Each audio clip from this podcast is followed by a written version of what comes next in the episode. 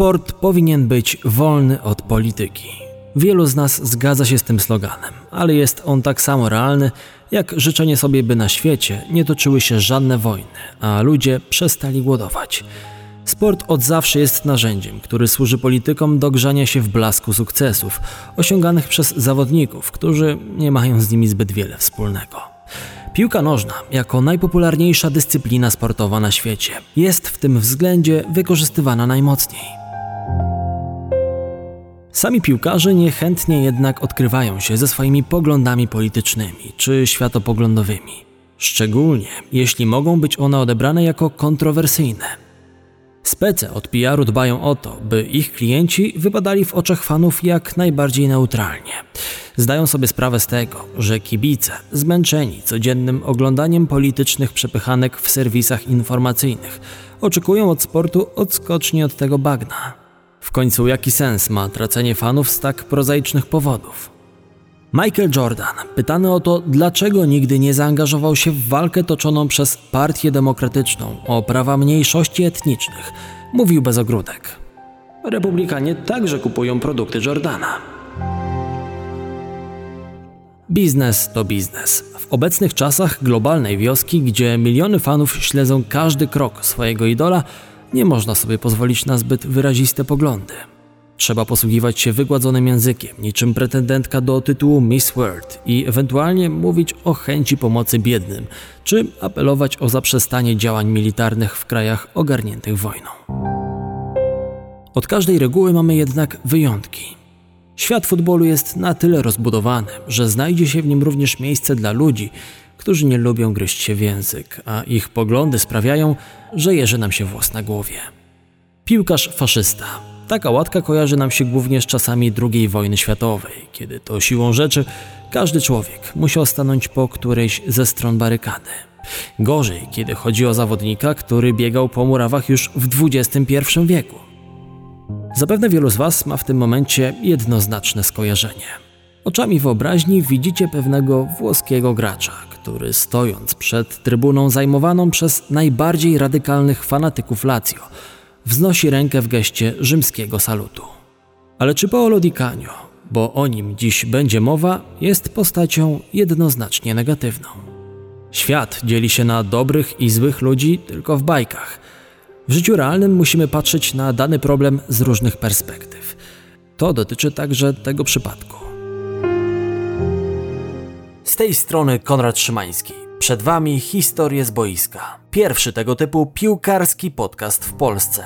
Jeśli słuchasz mnie na Spotify, możesz zaobserwować mój podcast. Po naciśnięciu tej opcji nie ominiesz żadnego odcinka.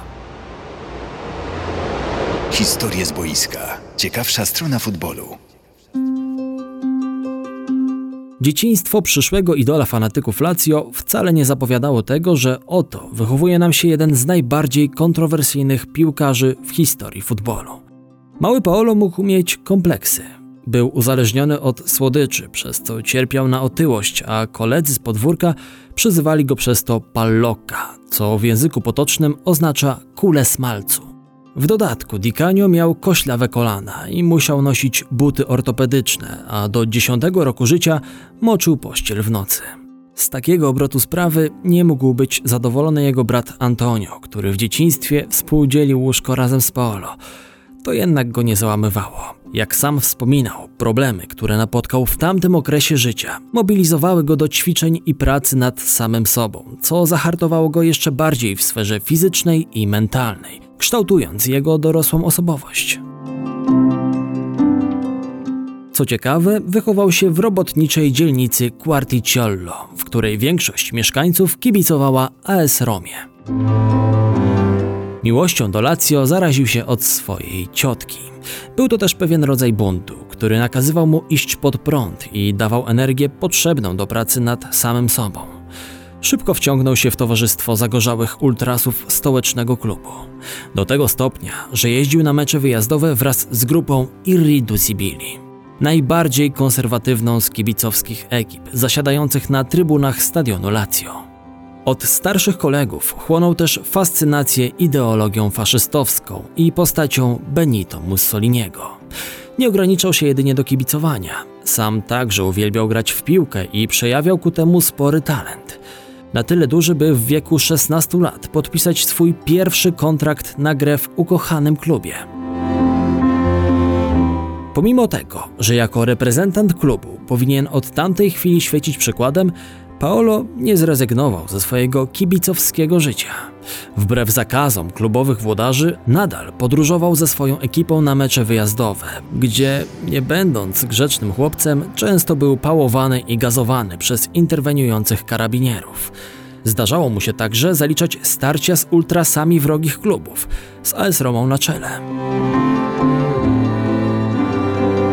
Zresztą, Dicanio lubił pakować się w kłopoty od dziecka. Jak wtedy, gdy w wieku 12 lat sprzedał bez wiedzy brata jego rower i zgarnął za to 12 tysięcy lirów. Na debiut w zespole Bianco Celesti musiał jednak poczekać aż do 20 roku życia. Stołeczny klub przechodził wówczas przez spore kłopoty i tułał się po Serie B, walcząc tam o ligowy byt. W sezonie 1988-89 Laziale wrócili do piłkarskiej elity Włoch. Był to też pierwszy sezon, kiedy Di Canio stał się podstawowym graczem swojego ukochanego klubu. Niebawem popisał się również premierowym trafieniem w czasie derbów Rzymu. Gol ten zapewnił wygraną Lazio i walnie przyczynił się do utrzymania Biancocelestich w szeregach Serie A. Dikanio stał się idealnym materiałem na idola kibiców zasiadających na sektorze północnym. Chłopak, który jeszcze do niedawna biegał wraz z miejscowymi tifozi po trybunach Stadio Olimpico i bił się za klubowe barwy, teraz dawał im radość ze zwycięstwa nad znienawidzonym rywalem z zamiedzy. Wymarzony kandydat na długoletniego bożyszcza kibiców, grający w trykocie Lazio przez całą karierę. Nie, to nie ta bajka. Wiele czynników złożyło się na to, że młody wychowanek klubu ze stolicy Italii wkrótce wybrał się na wieloletnią banicję poza ukochanym miastem. Pierwszym przystankiem w czasie tej przygody był Juventus, który po kilku latach mistrzowskiej posłuchy starał się odbudować drużynę na miarę zdobycia Scudetto. W tym celu do stolicy Piemontu, oprócz młodego i perspektywicznego Di Canio, ściągnięto m.in. Roberto Baggio czy Niemca Tomasa Haslera. W nowym zespole buntowniczy młodzian miał spełniać rolę podwieszonego napastnika, co stanowiło dla niego nowość, gdyż w Lazio najczęściej był ustawiany jako skrzydłowy. Początkowe problemy z dostosowaniem się do nowej roli na murawie i późniejsze konflikty z trenerami sprawiły, że buntowniczy Rzymianin nigdy tak naprawdę nie dostał szansy z prawdziwego zdarzenia w zespole z Turynu. Trenerzy cenili bardziej umiejętności Baggio, Casiragiego, Gianluca Vialliego czy Salvatore Schilacciego – przez trzy sezony gry dla Juve Paolo uzbierał blisko 80 ligowych meczów i zdobył w nich 6 goli. Nigdy jednak nie odgrywał w Starej Damie pierwszoplanowej roli. Nie mogąc się z tym pogodzić, popadł w konflikt z trenerem Giovannim Trappattonim. Punktem kulminacyjnym tego sporu był moment, gdy w szatni Starej Damy doszło do kłótni pomiędzy obydwoma panami, w czasie której niemal doszło do rękoczynów. Popchnięty przez Dikanio Trap zakomunikował niesubordynowanemu podopiecznemu, że w Turynie nie ma już czego szukać. Wkrótce potem wychowanek Lazio powędrował do Neapolu, w którym spędził jeden sezon, a stamtąd po roku do kolejnego włoskiego hegemona. W 1994 zawitał na San Siro i przywdział czerwono-czarny strój piłkarza AC Milan. Fakt, że Di Canio dostawał kolejne szanse w tak renomowanych klubach, zdawał się tylko potwierdzać tezę o niesamowitych umiejętnościach tego piłkarza. Dodatkowo Paolo był wzorem profesjonalizmu i na treningach zasuwał zazwyczaj tak, że wpędzał tym w kompleksy resztę kolegów z zespołu. Na przeszkodzie stawał jednak jego krewki charakter. Przerost ambicji krnąbrnego gracza dawał o sobie często znać. Pobyt w Mediolanie także skończył się konfliktem. Spierdalaj i zejdź z moich oczu. Miał wykrzyczeć w jego kierunku Fabio Capello, po tym jak w przerwie przedsezonowego meczu towarzyskiego w Chinach on i Paolo musieli być rozdzielani przez innych zawodników. Di Canio był spalony już u dwóch wielkich trenerów z Włoch. Łatka trudnego do prowadzenia zawodnika wyprzedziła podziw dla jego umiejętności. Coraz ciężej było mu szukać godnych propozycji kontraktu na Półwyspie Apenińskim. Pamiętacie odcinek podcastu, w którym opowiadałem historię Rika Cantony? Widzicie pewne podobieństwa pomiędzy tymi graczami? Dwaj piłkarze ze sporym talentem, ale jeszcze większymi problemami, których przysparzał im wybuchowy charakter. Co zrobił King Eric, gdy jego reputacja we Francji została zdewastowana? Pamięta ktoś? Zgadza się. Wyjechał do kraju, gdzie ekscentryzm piłkarzy nie stanowił wielkiej sensacji. Tą samą ścieżką podążył Di Canio, jednak zanim trafił do Anglii, zatrzymał się jeszcze w Szkocji i przywdział barwy Celticu. Swoją drogą analogii do kariery Cantony znajdziemy w przypadku Di Canio jeszcze kilka, ale wszystko po kolei. Na Celtic Park wybuchowy Włoch również wytrzymał tylko sezon, który z czysto piłkarskiego punktu widzenia był dla niego bardzo udany. Przybysz z Półwyspu Apenińskiego zagrał łącznie w 37 meczach w sezonie i zdobył 15 goli.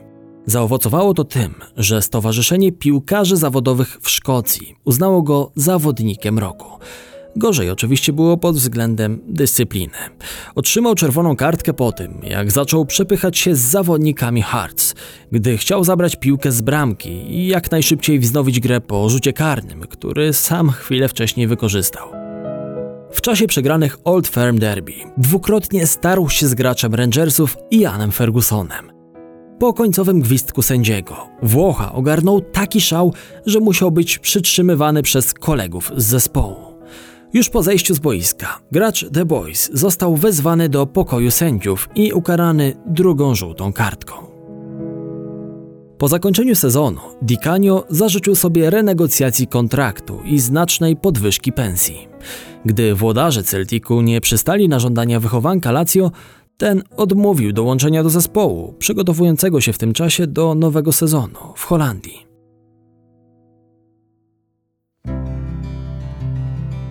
Pomimo tego, że Paolo był jednym z liderów zespołu, sztab trenerski i pozostali piłkarze klubu z Glasgow zapewne odetchnęli z ulgą, gdy dowiedzieli się, że wredny makaroniarz opuści ich szeregi i przeniesie się do innej drużyny. Zanim Di wyjechał ze Szkocji, zdążył jeszcze zakomunikować reszcie zespołu, co o nich myśli. Wiecznie przegrywamy z Rangersami, bo jesteście gówniani. Dajecie gówniane podania i jesteście gównianymi piłkarzami. To wszystko jest gównowarte. Pomimo ofert z Bolonii i ponownie z Napoli, Di Canio nie zamierzał wracać do ojczyzny. Pozostał na Wyspach Brytyjskich i wyruszył do Anglii.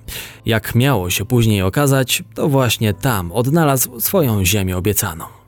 Podobnie jak Cantona. Swoją drogą trafił do Premier League sezon po tym, gdy legenda Manchester United zakończyła karierę. Cóż, liczba genialnych ekscentryków w lidze angielskiej musiała się zgadzać. Oczywiście porównanie Di Canio do Cantony jest nieco na wyrost. Włoch nigdy nie osiągnął takiego poziomu jak King Eric i nie zdobył tylu trofeów.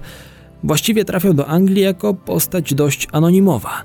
Ustępował sławą innym przybyszom z Italii, którzy starali się podbić murawy Premier League, jak chociażby Gianluca Vialli czy Gianfranco Zola. Nie mógł liczyć na kontrakt w jednym z czołowych klubów tej ligi. Podpisał umowę na grę w Sheffield Wednesday. Ten kraj ożywił moją karierę. Wprowadził mnie w nowy rodzaj piłki nożnej. To był styl gry, który prawdopodobnie nosiłem w sobie przez całą piłkarską karierę. Serie A nie potrafiło go ze mnie wydobyć. We Włoszech czułem się inny. Tutaj mogę być sobą. Di Canio otrzymał w Anglii nowe piłkarskie życie. W pierwszym sezonie gry w barwach The Owls zdobył 12 goli i podbił serca fanów Sheffield. Oczywiście nie byłby sobą, gdyby w kolejnym sezonie spektakularnie tego wszystkiego nie schrzanił przez własną głupotę. 26 września 1998 roku Sheffield podejmuje na stadionie Hillsborough Arsenal. Powoli dobiega końca pierwsza połowa spotkania. Na tablicy wyników widnieją 2-0. Na połowie kanonierów dochodzi do starcia pomiędzy Holendrem, Wimem Jonkiem i Patrickiem Vieirą. Young łapie pomocnika rywala za koszulkę i powoduje jego upadek.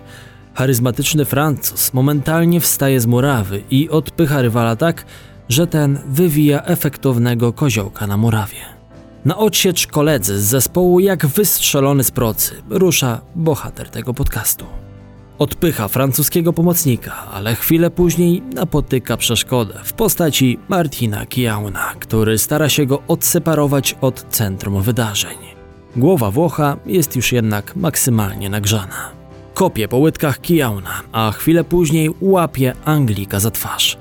Gdy obaj gracze skaczą sobie do gardeł, niczym młode koguty, sędzia Paul Alcock wznosi czerwony kartonik w powietrze i komunikuje zarówno Kiaunowi i Dicanio, że mają opuścić płytę boiska. Paolo kompletnie nie zgadza się z decyzją arbitra i demonstruje mu to w najbardziej idiotyczny sposób, jaki można sobie wyobrazić. Uderza rękoma w klatkę piersiową Alcoka i powoduje jego upadek. Skandaliczne zachowanie zawodnika Sheffield. Dicanio za naruszenie nietykalności cielesnej arbitra otrzymuje karę 11 meczów dyskwalifikacji i 10 tysięcy funtów grzywny. Niebawem rozeźleni włodarze The Owls postanawiają pozbyć się szalonego Włocha z drużyny.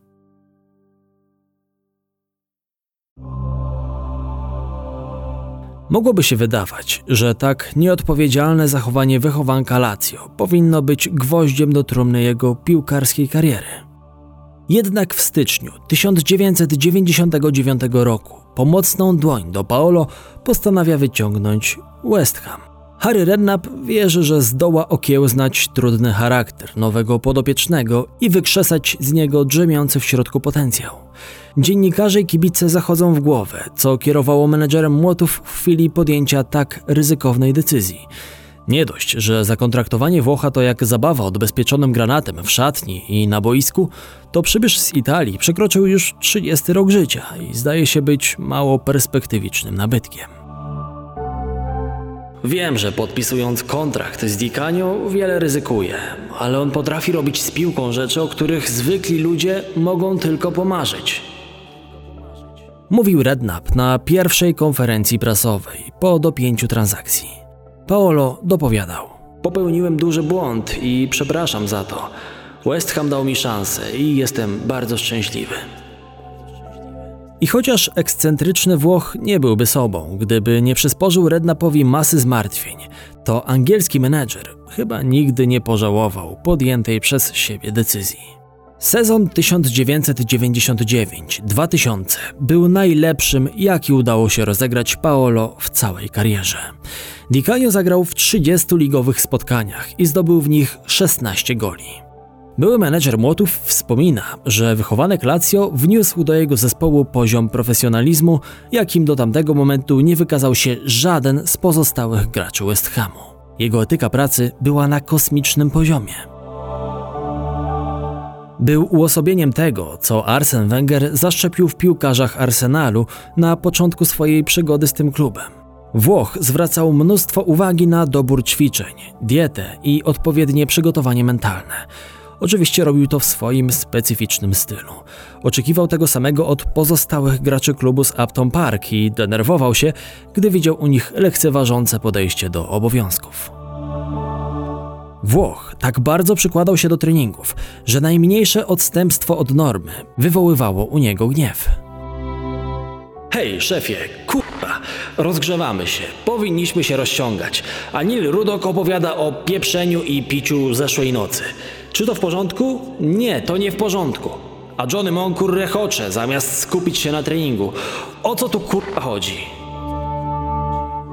Tak wspominał postać bohatera dzisiejszego odcinka Harry Rennap w swojej autobiografii. Dicanio chodził na konsultacje do trenera personalnego, jadł tylko zdrowe produkty i praktycznie nie pił alkoholu. Redknapp stawiał go jako wzór dla młodych piłkarzy. Jego zachowanie podpatrywał chociażby młody Rio Ferdinand, który sam wiele wyniósł, obserwując sumienne podejście Włocha do obowiązków. Zasianie takich plonów przyniosło wymierne efekty. W swoim pierwszym pełnym sezonie na Upton Park Paolo grał tak dobrze, że wielu ekspertów brało na poważnie jego kandydaturę do nagrody piłkarza sezonu Premier League. Stowarzyszenie Zawodowych Piłkarzy postawiło wówczas na Roya Kina. Włochowi na przeszkodzie mogła stanąć jego nie najlepsza reputacja. Na pocieszenie Di Canio pozostała nagroda za najpiękniejszą bramkę sezonu. Zresztą jego trafienie wolejem w meczu z Wimbledonem uchodzi za jeden z najsłynniejszych goli w historii Premier League.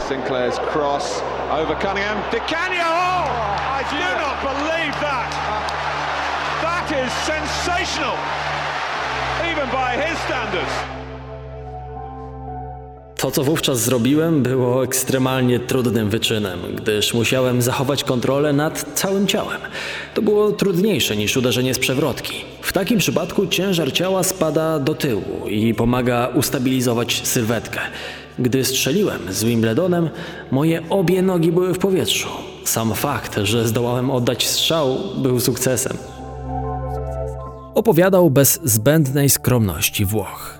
Zresztą okres spędzony w West Hamie przez Dicanio obfitował w mnóstwo sytuacji, które przeszły do historii Ligi Angielskiej. Najlepszy dla siebie sezon Paolo rozpoczął od swoistego odwetu na Arsenalu. Wychowanek Lazio ustrzelił w meczu z kanonierami dublet. Pierwszy gol padł po tym, jak najpierw przez niemal całą połowę Arsenalu przebiegł dryblując pomiędzy kolejnymi zawodnikami Arsena Wengera, by na końcu wykorzystać błąd Martina Kiauna, z którym kilka miesięcy wcześniej zanotował pamiętne starcie, zakończone dla niego długotrwałą dyskwalifikacją.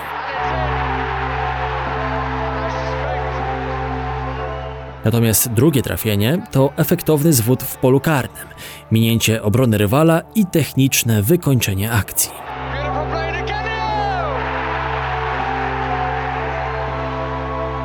Di Canio znów był na ustach wszystkich po meczu z The Gunners. Tym razem jednak w jak najbardziej pozytywnym znaczeniu.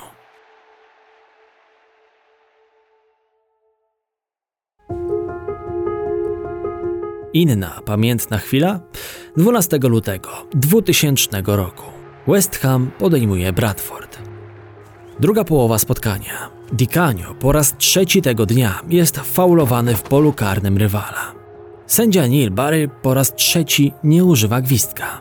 Sfrustrowany Włoch zrywa się z murawy, biegnie w kierunku ławki rezerwowych i energicznym gestem kołowrotka sygnalizuje Haremu Rednapowi, że ma dość i chce zostać zmieniony. Menedżer stara się go uspokoić i przekonuje do pozostania na boisku. Dicanio siada na murawie i ukrywa twarz w dłoniach. W tym czasie Bradford wyprowadza kontratak, po którym powinno prowadzić 5 do 2, ale futbolówka zatrzymała się po strzale Diana Sandersa na słupku bramki młotów. Cały Upton Park postanawia zareagować.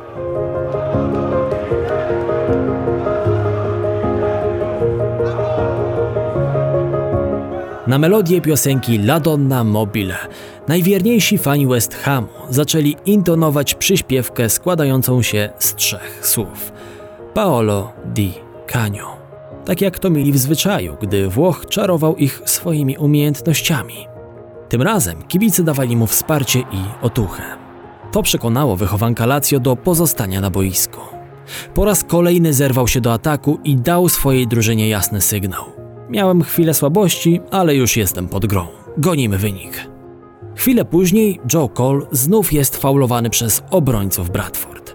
Gwizdek sędziego Barego w końcu rozbrzmiewa. Arbiter wskazuje na wapno.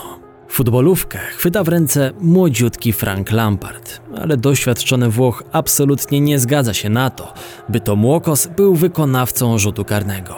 Sam ma zamiar wymierzyć sprawiedliwość. Wyrywa przyszłej gwieździe futbolu piłkę z rąk i daje do zrozumienia.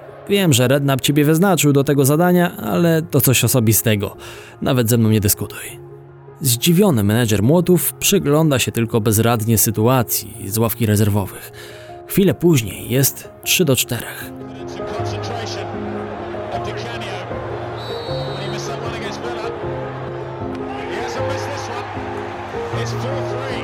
Dikanio daje swojej drużynie tlen. Pięć minut później Joe Cole wyrównuje. Siedem minut przed końcem spotkania Frank Lampard po asyście Dicanio daje swojemu zespołowi zwycięstwo. Niesamowita historia, która przechodzi do kanonu legend Ligi Angielskiej. Podobnie jest wówczas, gdy w czasie meczu przeciwko Evertonowi przerywa dobrze zapowiadającą się akcję zespołu, gdyż poza polem karnym znajduje się kontuzjowany bramkarz The Toffees, Paul Gerrard. Tamta chwila jest uznawana za jeden z najpiękniejszych momentów fair play w historii piłki nożnej. I to w czyim wykonaniu? Jednego z najbardziej kontrowersyjnych graczy w dziejach. Media zachwycały się wówczas zachowaniem Włocha, chociaż Redknapp nie ukrywał w autobiografii, że koledzy Dicanio z zespołu, jak i on sam, mieli ochotę go zamordować za to, co zrobił. Młoty zremisowały tamten mecz, a Paolo mógł im dać trzy punkty. Był opiekun klubu z Upton Park wspominał w swojej autobiografii. Co ty kurwa zrobiłeś? Tak chyba brzmiały moje pierwsze słowa wypowiedziane do Paolo. Potem przyszedł czas na rozmowy z telewizją. Fantastyczny gest fair play. Zagaił reporter. Yy, tak, yy, tak, yy, to było fantastyczne. Yy, wspaniale jest oglądać takie rzeczy. O to chodzi w sporcie. Skłamałem. Dikanio miał gdzieś pretensje kolegów. Zawsze szedł obraną przez siebie drogą, nawet jeśli inni mu ją odradzali. Za zachowanie w meczu z Evertonem otrzymał nagrodę FIFA Fair Play. Obsesyjnie uwielbiał zwyciężać, ale nie za cenę oszustwa. W ekipie The Hammers spędził ponad 4 lata. W ostatnim sezonie jego pobytu klub z Upton Park zleciał z ligi. Dicanio przez sporą jego część był odsunięty od składu przez menedżera Glena Rodera. Powrócił na końcówkę sezonu, ale nie zdołał odmienić losów Londyńczyków. Chwilę później podpisał kontrakt z Charltonem. Do dziś pozostaje jedną z ikon West Hamu. Jego profesjonalne podejście miało ogromny wpływ na rozwój młodych graczy tego zespołu, takich jak Rio Ferdinand, Frank Lampard, Joe Cole, Michael Carrick czy Mark Noble. Pewnym momencie spisywał się tak dobrze, że o jego podpis zabiegał sam Sir Alex Ferguson, co szkocki menedżer potwierdził w swojej autobiografii.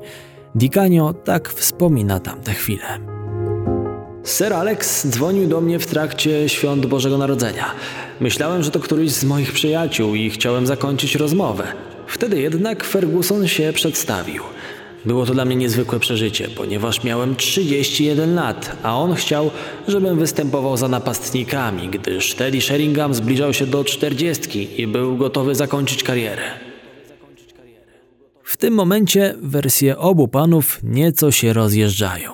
Dikanio twierdzi, że nie przyjął oferty, bo jako kapitan West Hamu był zobowiązany wobec tego klubu za danie mu drugiej szansy i honor nie pozwalał mu opuścić Upton Park.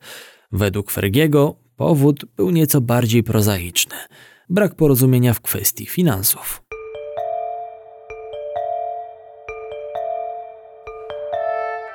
Nie zmienia to jednak faktu, że gdyby Włoch postanowił dołączyć do ekipy z Old Trafford, analogia do Erika Cantony mogłaby być jeszcze bardziej jaskrawa. Do transferu jednak nigdy nie doszło. Po roku pobytu w Charltonie, kiedy Paolo pomógł wywalczyć ekipie Addicts siódme miejsce w tabeli, najwyższe dla nich od pół wieku, postanowił powrócić do ojczyzny. W sierpniu 2004 roku, po niemal 15 latach przerwy, syn marnotrawny wrócił do rodzinnego domu. Dicanio postanowił ponownie przywdziać barwy macierzystego klubu. Lazio borykało się wówczas ze sporymi problemami finansowymi i Paolo zgodził się na znaczną obniżkę pensji względem tego, co zarabiał na Wyspach Brytyjskich. Z miejsca stał się ulubieńcem trybun. Szczególnie wtedy, gdy w styczniu 2005 roku znów ukłuł derbowego rywala, podwyższając prowadzenie Laziali w starciu z AS Romą na 3 do 1.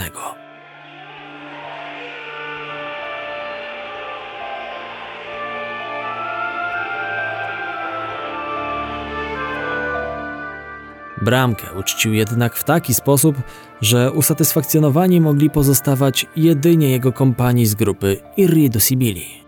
Wyprostowana ręka skierowana w stronę trybuny północnej z pewnością nie oznaczała, że Di Canio życzy sobie wypić po meczu pięć piw. Tajemnicą Poliszynela było to, że kontrowersyjny piłkarz fascynuje się postacią Mussoliniego i czasami włoskiego faszyzmu Już w 2001 roku pisał o tym w autobiografii. Fascynuje mnie Mussolini. Myślę, że był głęboko niezrozumiałą jednostką. Oszukiwał ludzi, jego czyny były często podłe, ale wszystko to było motywowane wyższym celem. Był osobą opartą na zasadach. Mimo to zwrócił się przeciwko swojemu poczuciu dobra i zła. Naraził na szwank swoją etykę. Po pamiętnym derby della Capitale na zawodnika Lazio wylała się fala krytyki. On zdawał się jednak niczym nie przyjmować i rzymski salut stał się dla niego cieszynką. Powtarzał ją jeszcze kilkukrotnie, za każdym razem wywołując medialną burzę. Prowokował w ten sposób innymi kibiców Torino i słynących z lewicowych poglądów ultrasów Livorno. Moje uniesienia nie mają związku z polityką. Salutuję, ponieważ daje mi to poczucie przynależności do mojego ludu. Jego pozdrawianie jest dla mnie znakiem przynależności do grupy, która ma wartości cywilizacyjne w stosunku do normalizacji, które narzuca nam społeczeństwo. Skandaliczne zachowanie piłkarza było jednym z głównych powodów, przez które po dwóch sezonach gry podziękowano mu w Lazio za dalszą współpracę. Trudny charakter Di Canio powodował również, że nie potrafił się dogadać zarówno z kolegami z drużyny, jak i trenerem, a przede wszystkim z właścicielem klubu, panem Claudio Lotito. 38-letni gracz postanowił więc, że pogra jeszcze na poziomie Serie C2 w zespole Cisco Roma. Ostatecznie buty na kołek odwiesił w 2008 roku. Kolejnym krokiem w jego życiu miało być podjęcie pracy trenera. W związku z realizacją tej ambicji podjął naukę w Coverciano, słynnej włoskiej akademii trenerskiej. Paolo nie ukrywał, że jego marzeniem jest poprowadzić drużynę West Hamu. Aplikował nawet na opiekuna młotów po tym, jak ze stanowiska zrezygnował Alan Kirbishley.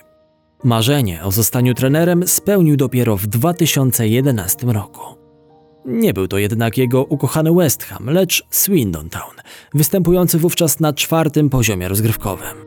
Już po roku gry pod jego pieczą Swindon zdołał awansować. Dodatkowo w Pucharze Anglii ekipa Di Canio wyrzuciła za burtę Wigan Athletic, zespół występujący wówczas w angielskiej elicie.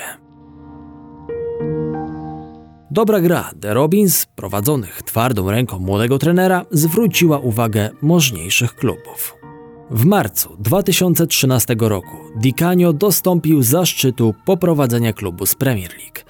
Zastąpił Martina O'Neilla na stanowisku menedżera Sunderlandu. Jego nominacja wzbudziła spore kontrowersje. Oczywiście wszystko przez radykalne poglądy polityczne wychowanka Lazio. Ze stanowiska wiceprezesa Sunderlandu ustąpił David Miliband, który należał do Partii Pracy – Związek Zawodowy Górników postanowił natomiast symbolicznie zabrać ze Stadium of Light, które jest zbudowane na terenie byłej kopalni, swój sztandar jako akt sprzeciwu wobec nowego menedżera i jego poglądów. Na jednej z konferencji dziennikarze zapytali nowego trenera wprost, czy nadal jest faszystą. Nie chcę rozmawiać na temat polityki. Nie jesteśmy w parlamencie, a ja nie jestem politykiem. Chcę mówić tylko o futbolu. Przez całe życie nie miałem z nikim problemu. Jestem normalną osobą, która respektuje wszelkie zasady. Ludzie starają się mnie postawić w kuriozalnej i żałosnej sytuacji. Moje słowa były przekręcane, a ja nie mogę całe życie tego tłumaczyć. Paolo powierzono misję utrzymania Black Cats w Premier League i z tego zadania Włoch wywiązał się bez zarzutu. Kolejną kampanię ligową drużyna Ticanio rozpoczęła jednak od falstartu. Kontrowersyjny menedżer mocno przewietrzył szatnię Sunderlandu w przerwie między sezonami i w pierwszych pięciu spotkaniach zdobył zaledwie jeden punkt. Żelazna dyscyplina, którą wprowadził Di Canio, nie pasowała wielu graczom reprezentującym barwy czarnych kotów. Po piątym meczu sezonu do prezesa klubu udała się delegacja zawodników, którzy narzekali na zamordyzm włoskiego trenera. Jednym z argumentów miał być zakaz spożywania przez graczy dań, w których jednym ze składników był ketchup lub majonez. Di Canio stracił pracę. Cóż, powiało ekstraklasą. Chociaż od tamtego momentu Paolo był łączony z kilkoma klubami, jak chociażby Celtic, to ostatecznie po dziś dzień kontrowersyjny Włoch nie objął już sterów żadnego innego klubu. Zapewne gdyby nie łatka faszysty, która ciągnie się za Di Canio od wielu lat, wychowankowi Lazio byłoby o wiele łatwiej znaleźć kolejną drużynę na swojej trenerskiej drodze. Myślę, że wielu prezesów klubów bało się postawić na przybysza z Italii w obawie przed kontrowersjami, które wzbudziłaby taka nominacja na stanowisko opiekuna klubu. Czy jednak sam Di Canio, pomimo fascynacji Benito Mussolinim, nadal uważa siebie za faszystę? Czy w dalszym ciągu jestem faszystą? Nie jest tajemnicą, że zawsze mówiłem to, co myślę.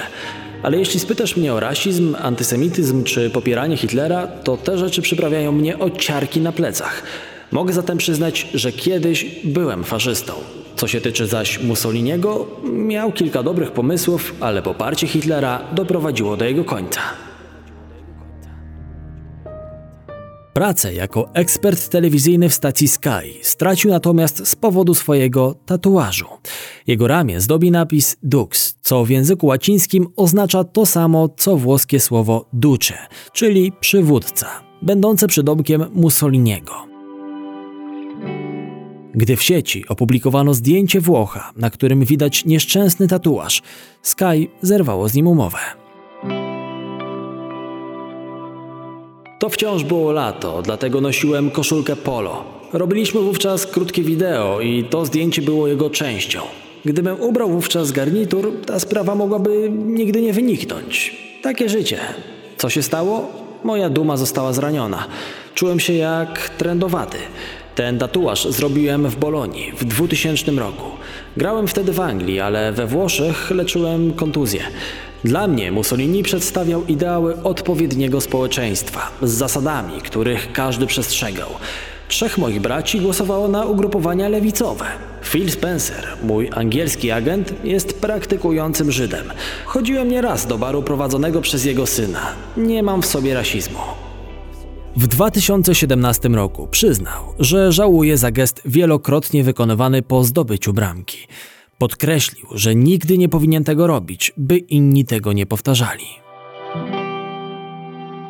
Bez względu na to, czy uważamy Dikanio za człowieka reprezentującego niebezpieczne poglądy, czy też nie, musimy bezsprzecznie przyznać, że był jedną z najbarwniejszych postaci w historii Premier League. Zarówno jeśli weźmiemy pod uwagę sytuację okołoboiskowe, jak i nieprzeciętny talent piłkarski Włocha. Wspaniałego dryblera oraz prawdziwego profesjonalisty. Jednak nigdy nie przywdział błękitnego trykotu dorosłej reprezentacji. Przy powołaniach pomijał go zarówno Cezare Maldini, który uważał Serię A za ligę o wiele lepszą od angielskiej, przez co ignorował graczy występujących na Wyspach Brytyjskich, jak i Giovanni Trapattoni, z którym Paolo pozostawał w napiętych stosunkach od czasu ich wspólnej pracy w Juventusie.